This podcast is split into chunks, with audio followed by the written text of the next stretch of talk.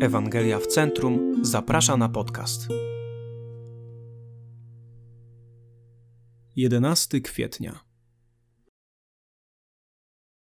Bóg nie odpocznie od swojego odkupieńczego dzieła, aż każdy aspekt jego stworzenia zostanie odnowiony. Wielki autor hymnów Isaac Watts napisał tę pieśń w 1719 roku. Był to jeden z hymnów ze zbioru naśladującego hymny Dawida.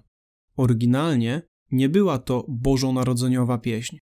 Obecnie jest to jedna z najsłynniejszych kolęd. Jej słowa są niezwykle mocne, a trzecia zwrotka zawiera szczególną głębię i zachętę. Przypis tłumacza.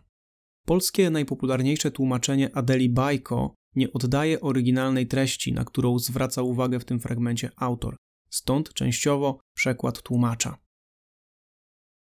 Grzechu ni łez nie będzie już, ni cierni pośród róż.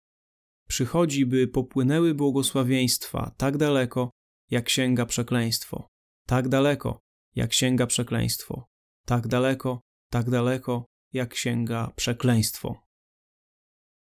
Jaka była misja Jezusa?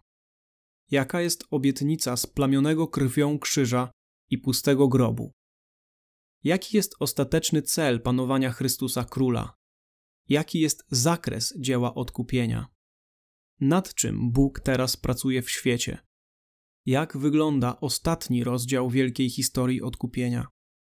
Słowa tego wspaniałego starego hymnu pokazują to bardzo trafnie i dobitnie. Jezus naprawdę przyszedł, by popłynęły Jego błogosławieństwa. To prawda, ale nie wystarczy tylko jej stwierdzić trzeba dodać te słowa: Tak daleko, jak sięga przekleństwo. Jezus nie przyszedł bowiem tylko po to, by uratować odłączone od ciała dusze. To prawda, że zbawił nasze dusze od wiecznego potępienia i będziemy mu za to wiecznie wdzięczni, lecz przychodzi też, by uwolnić swoją potężną, odnawiającą łaskę tak daleko, jak daleko sięgają skutki grzechu. Przyszedł, by odnowić każdą rzecz, która została zepsuta przez grzech. Przyszedł naprawić to wszystko.